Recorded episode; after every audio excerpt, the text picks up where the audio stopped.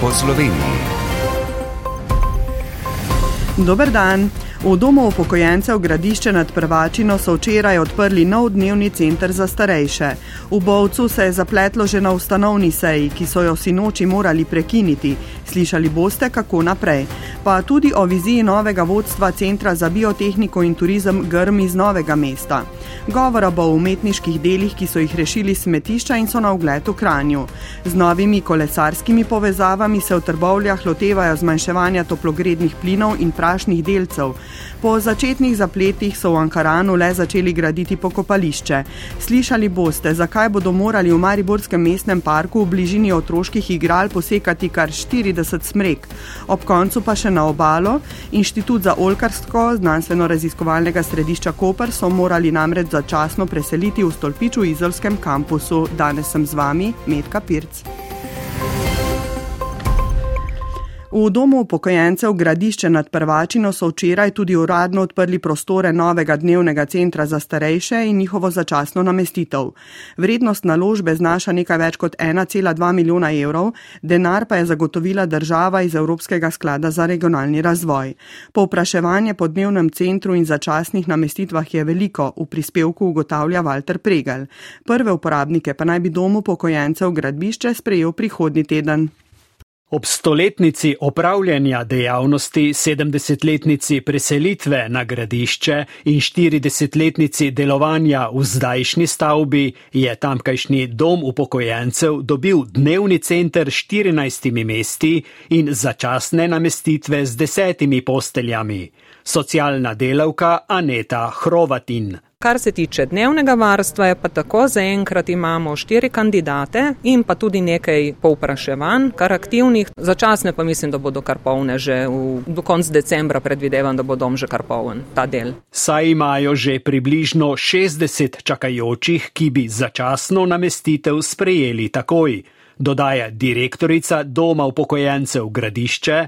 Jana Hreščak in napoveduje tudi nove zaposlitve. V dnevnem centru sta za začetek predvideni dve zaposlitvi, v začasnih namestitvah zaposlitve sicer še uresničujemo, kaj ti stiska na področju kadra in pridobivanje kadra v socialno-varstvenih zavodih je kar pereča tema. Dnevni centri so prihodnost poudarja Primoš Siter z Ministrstva za delo, družino, socialne zadeve in enake možnosti. Dobra novica je, da je dolgotrajna oskrba dobila to svojo referendumsko podporo, da bomo lahko na ministrstvu, zdaj novem resornem ministrstvu za solidarno prihodnost, stvari pripravili kot se šika, da bodo šle v smeri deinstitucionalizacije. Vzdržen zakon na tem področju bodo oblikovali v enem letu, napovedujejo še na omenjenem ministrstvu. Bovškega župana Walterja Mlekuža, ki si je z dobro polovico glasov že v prvem krogu zagotovil še tretji mandat, v naslednjih štirih letih očitno čaka težko delo. V 12-članskem svetu je kar osem novih svetnikov, od tega ima županova lista Gradimo Bovško naprej le tri svetnike. Zaradi nesoglasi so morali prekiniti že sinočnjo ustanovno sejo, poroča Mariša Bizjak. Zataknilo se je že pri imenovanju komisije za mandatna vprašanja, volitve in imenovanja. Županova lista Gradimo Bovško naprej ter lista Naša dolina, naš dom sta namreč predlagali, da tako kot že vse od ustanovitve občine Bovec v petčlansko komisijo imenujejo po enega predstavnika iz vsake liste oziroma stranke, medtem ko je lista za posočje Bovec predlagala oblikovanje komisije glede na izide volitev, torej imenovanje dveh predstavnikov liste za posočje Bovec ter po enega predstavnika iz stranke SDS, SD ter županove liste. Glasovanje je bilo izenačeno 6 proti 6, zato so sejo prekinili. Ali to pomeni, da bodo tudi v prihodnosti težave pri sprejemanju drugih sklepov, razmišlja župan Walter Mlekuš. Ma ne, vse je bilo zmeri na začetku mandata tako, da so se ustvarile neke koalicije in opozicija, ampak potem smo stvari izgladili. Samo upam, da se to ne bo dogajalo pri proračunu. Ker pa če bo to nagajanje šlo v nedogled, da se bo pa proračun rušilo, potem pa bodo morali vovčani izvedeti, kaj to pomeni pomeni, vemo, da imamo vse investicije načete, ampak jaz verjamem, da bo zavladal mir. Z ustanovno sejo bodo nadaljevali 19. decembra in se do takrat dogovorili o članih komisije in drugih delovnih teles. Na sinočni ustanovni seji občinskega sveta v občini Šempeter Vrtojba so potrdili mandate 16 svetnikom, od tega je kar 11 novih. Šest svetnikov ima lista Milana Turka, prav toliko Gibanje Svoboda, tri SD in SDS enega, več Eva Furlan. Gibanje Svoboda in SD, ki v predvoljivni tekmi nista zaobšli ne strinja županom, imata zdaj večino v občinskem svetu. Župan Milan Turk. Eh, vse vabim k sodelovanju, verjamem, da bo tako, če pa kdo prav želi biti opozicija, pa pač mu ne moremo preprečiti. Močna opozicija bi se lahko oblikovala vsaj pri sprejemanju občinskega prostorskega načrta. Tako v Gibanju Svoboda kot v SD-ju namreč nasprotujejo, da bi zbirni center, ki nima uporabnega dovoljenja, ostal na parkirišču mednarodnega mejnega prehoda Vrtojba.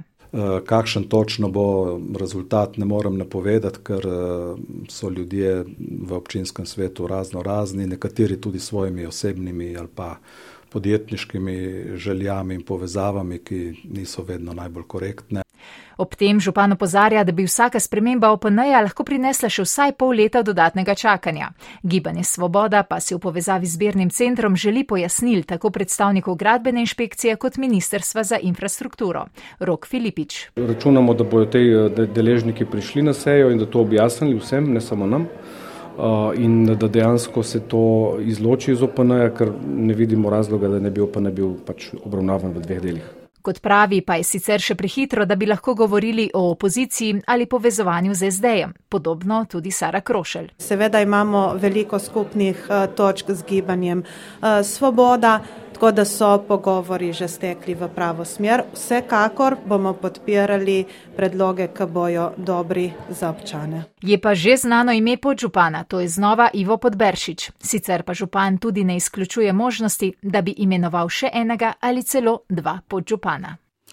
Center biotehnike in turizma Grm iz Novega mesta ima novo vodstvo. Dolgoletni direktor izobraževalne ustanove 136-letno tradicijo Tone Hrovat je na seji sveta zavoda podal odstopno izjavo. Vodenje šole s tisoč dijaki in študenti pa je začasno kot vršilka dožnosti prevzela Mojca Špec Potočar, sicer članica sveta zavoda. Tone Hrovat je odstopil zaradi mačehovskega odnosa Ministrstva za šolstvo, ki jim za izvajanje rednih programov dolguje pol milijona milijona evrov. Finančno stanje centra Grm se je dodatno poslabšalo po požaru v enem od objektov v letu 2019, po COVID-nih ukrepih in vse dražjih energentih. V treh trgovinah fundacije Vincenca Draxlerja v Kranju je na ogled razstava likovnih in drugih umetniških del, ki so jih rešili smetišča. Razstavo, poimenovali so jo Smetart, si bodo obiskovalci lahko ogledali še jutri. Potem bodo umetniška dela lahko tudi kupili. Aljana Jocif. Razstava Smetart je nov skupni projekt Fondacije Vincenca Draxlerja, Kranske mestne občine in komunale.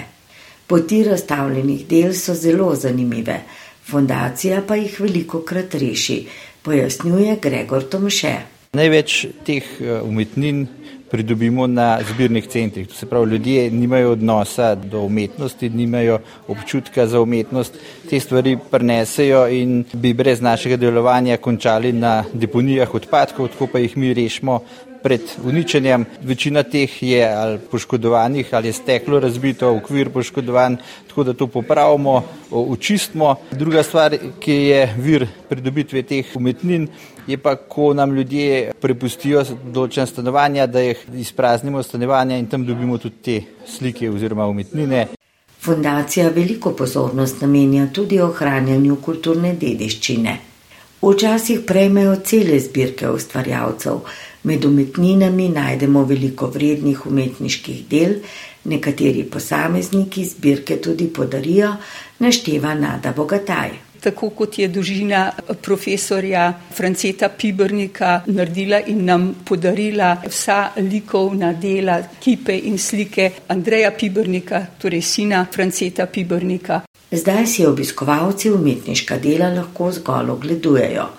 Med njimi je tudi Krančanka, ki je navdušena nad tovrstnim približevanjem umetnosti obiskovalcem. Zelo. Jaz sem stalna stranka, klele tele trgovine, zanimajo me starine in velikrat pridem sem. Zdaj so pa likovna dela. Ja, jaz že gledam tele slike, tale ekran tamle, sem ga že hotela rezervirati, pa je desetega zapridati. Sam mehem bi rada kakšno letnico ali kakšen podatek od tega.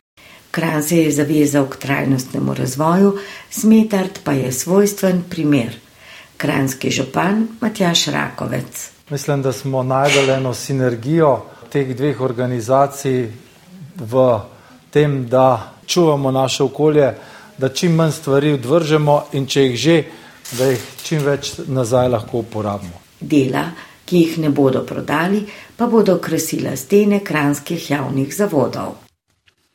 Občina Trbovlje je v želji po zmanjševanju emisij toplogrednih plinov in prašnih delcev PM10, ki jih večinoma povzroča promet, izdelala celostno prometno strategijo in jo v zadnjih letih začela tudi že uresničevati. Velik korak k njeni uresničitvi bo vzpostavitev kolesarske poti v mestu, ki bo povezala njegov severni del z južnim do železniške postaje. Več kot 2 milijona evrov vredno naložbo v nove kolesarske površine v Trbovljah so začeli spomladi. Kot poroča naša dopisnica Karmen Štranca Rajevec, pot letos ne bo dokončana, kot je bilo sprva načrtovano. Več kot milijon sedemsto tisoč evrov evropskih in državnih sredstev pa naj ne bi bilo ogroženih. V Oski dolini si bodo ponekod kolesari še vedno delili cestišče z ostalim prometom, vendar začrtana staza pomeni večjo varnost vseh udeležencev v prometu. Pred časom dobremu kilometru in pol že urejenih kolesarskih poti v središču mesta se bo po načrtih sedaj pridružil še dober kilometr in pol severne in dva kilometra južne trase. Skupaj bo speljanih in označenih okrog šest kilometrov kolesarskih površin v mestu. Je pa gradnja po spomladanski jesenskem zagonu nekoliko zastala. Maja Kovač, občina Trbovlje. Dela so se začela v spomladanskih mesecih, vendar so bila v poletnih začasno ustavljena zaradi potrebe preprojektiranja določenega dela trase, gre torej za manjše spremembe in pa tudi zato, ker bo izvedba teh kolesarskih površin na določenih odsekih morala potekati sočasno z nekaterimi drugimi projekti, da ne razkopavamo dvakrat. Bomo torej uskladili časovnice tega projekta. V teh dneh so ponovno zgradnjo pričeli na severnem delu mesta. Po trenutnih ocenah naj bi bila dela gotova spomladi prihodnje leto. Na trasi bodo dodani tudi novi nadstreški za kolesa, v bodoče naj bi se širila tudi mreža izposoje električnih koles.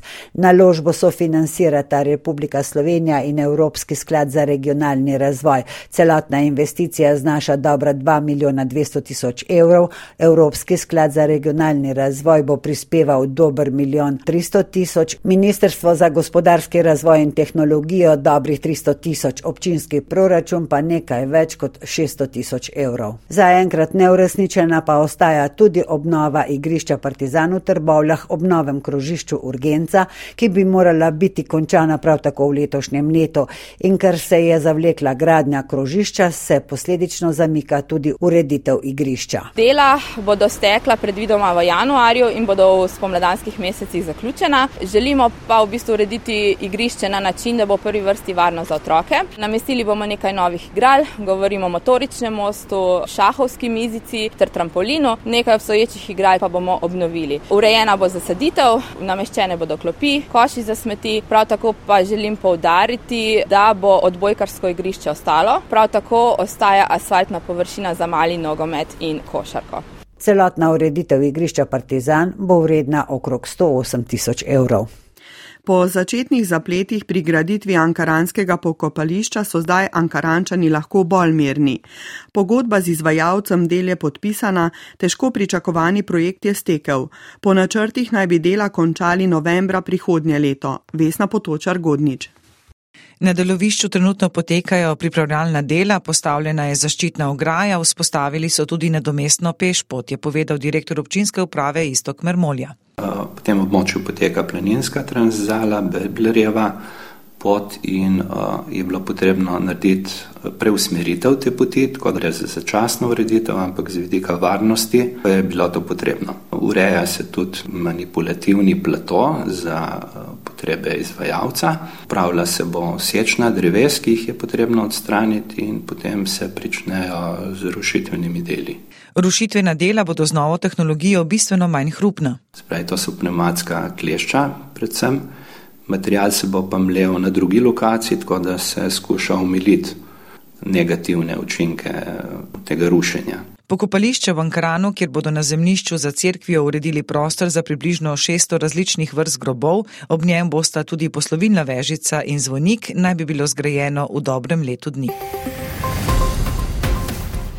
Kar 40 smrek bodo morali posekati v Mariborskem mestnem parku v bližini otroških igral. Kako jih bodo nadomestili? Govora bo tudi o pekarni. Tako se namreč imenuje Mariborski hostel, v katerem Maribor označujejo kot mesto tranzitnega turizma. Slišali boste še, kaj pomeni selitev Inštituta za olkarsko znanstveno-raziskovalnega središča Koper na novo lokacijo. Najprej pa v Maribor. V Mariborskem mestnem parku v bližini otroških igral bodo posekali 40 smrek. Vzrok za to je napad smrekovega lubadarja. Sečnjo 30 in več metrskih dreves bodo začeli v ponedeljek in bo trajala predvidoma 14 dni. Gibanje v tem delu parka pa bo zaradi delovišča omejeno. Nova raznovrstna drevesa, ki bodo nadomestila posekana, bodo zasadili spomladi in jeseni prihodnje leto. Podrobneje Aleaš Mejal.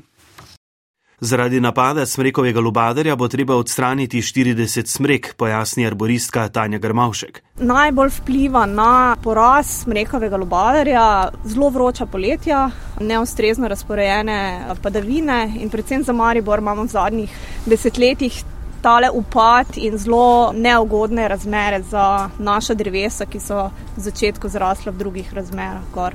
Po sanaciji bodo izvedli še podroben pregled, ki bo pokazal, ali bo treba podreti še kakšno drevo. Gre za največji tovrsten poseg v Mariborskem mestnem parku po odstranjevanju dreves zaradi žleda pred nekaj leti, pravi samo Jenčič iz Republiškega zavoda za varovanje narave in dodaja, da se tako velikega posega, ki bo za več deset let zarezal podobo parka, ni dalo preprečiti. Ne, če gledate tudi slovenske gozdove, ki so dokaj dobro in so naravno gospodarjeni.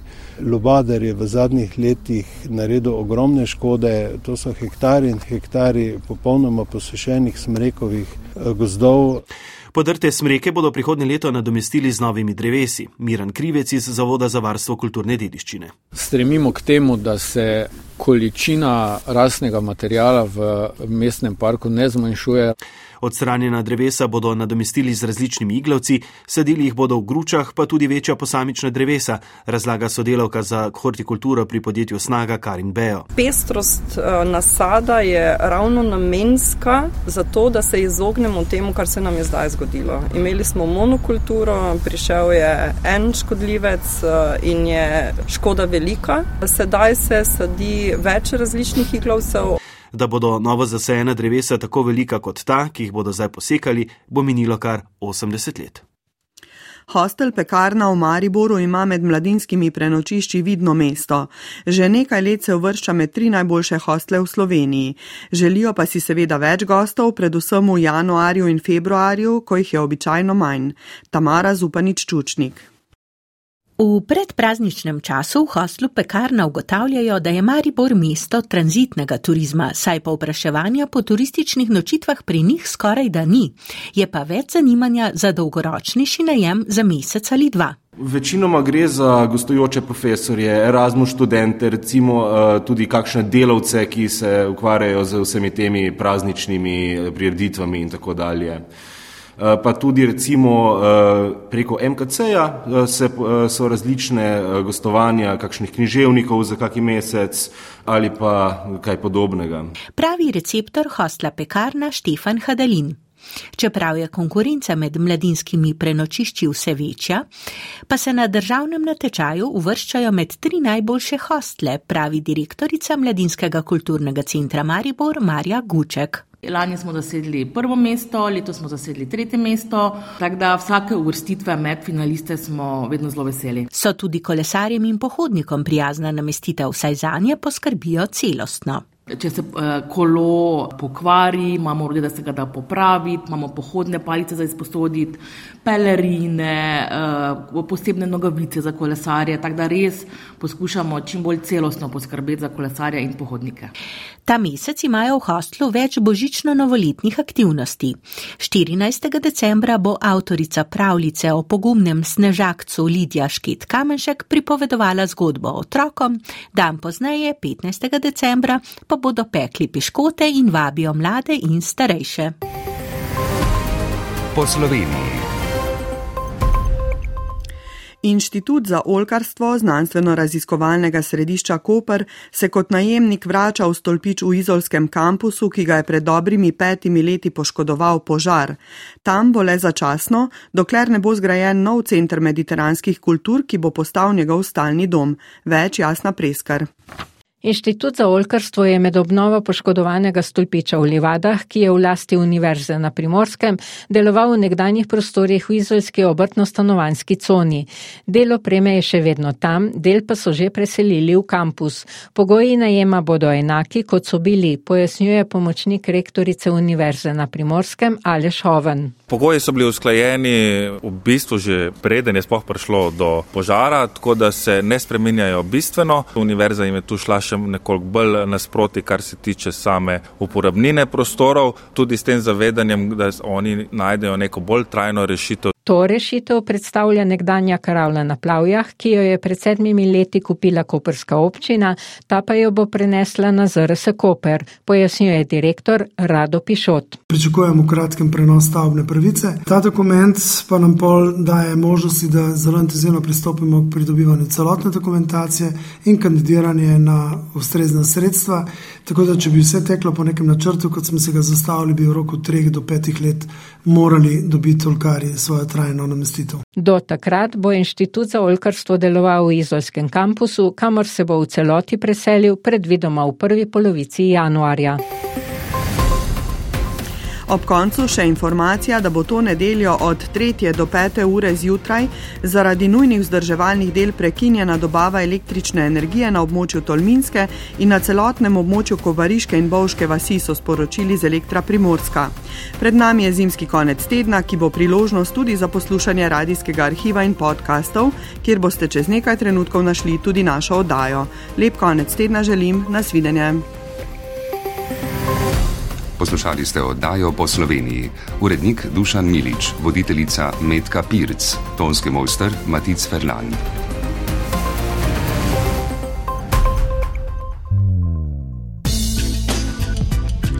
Poslušate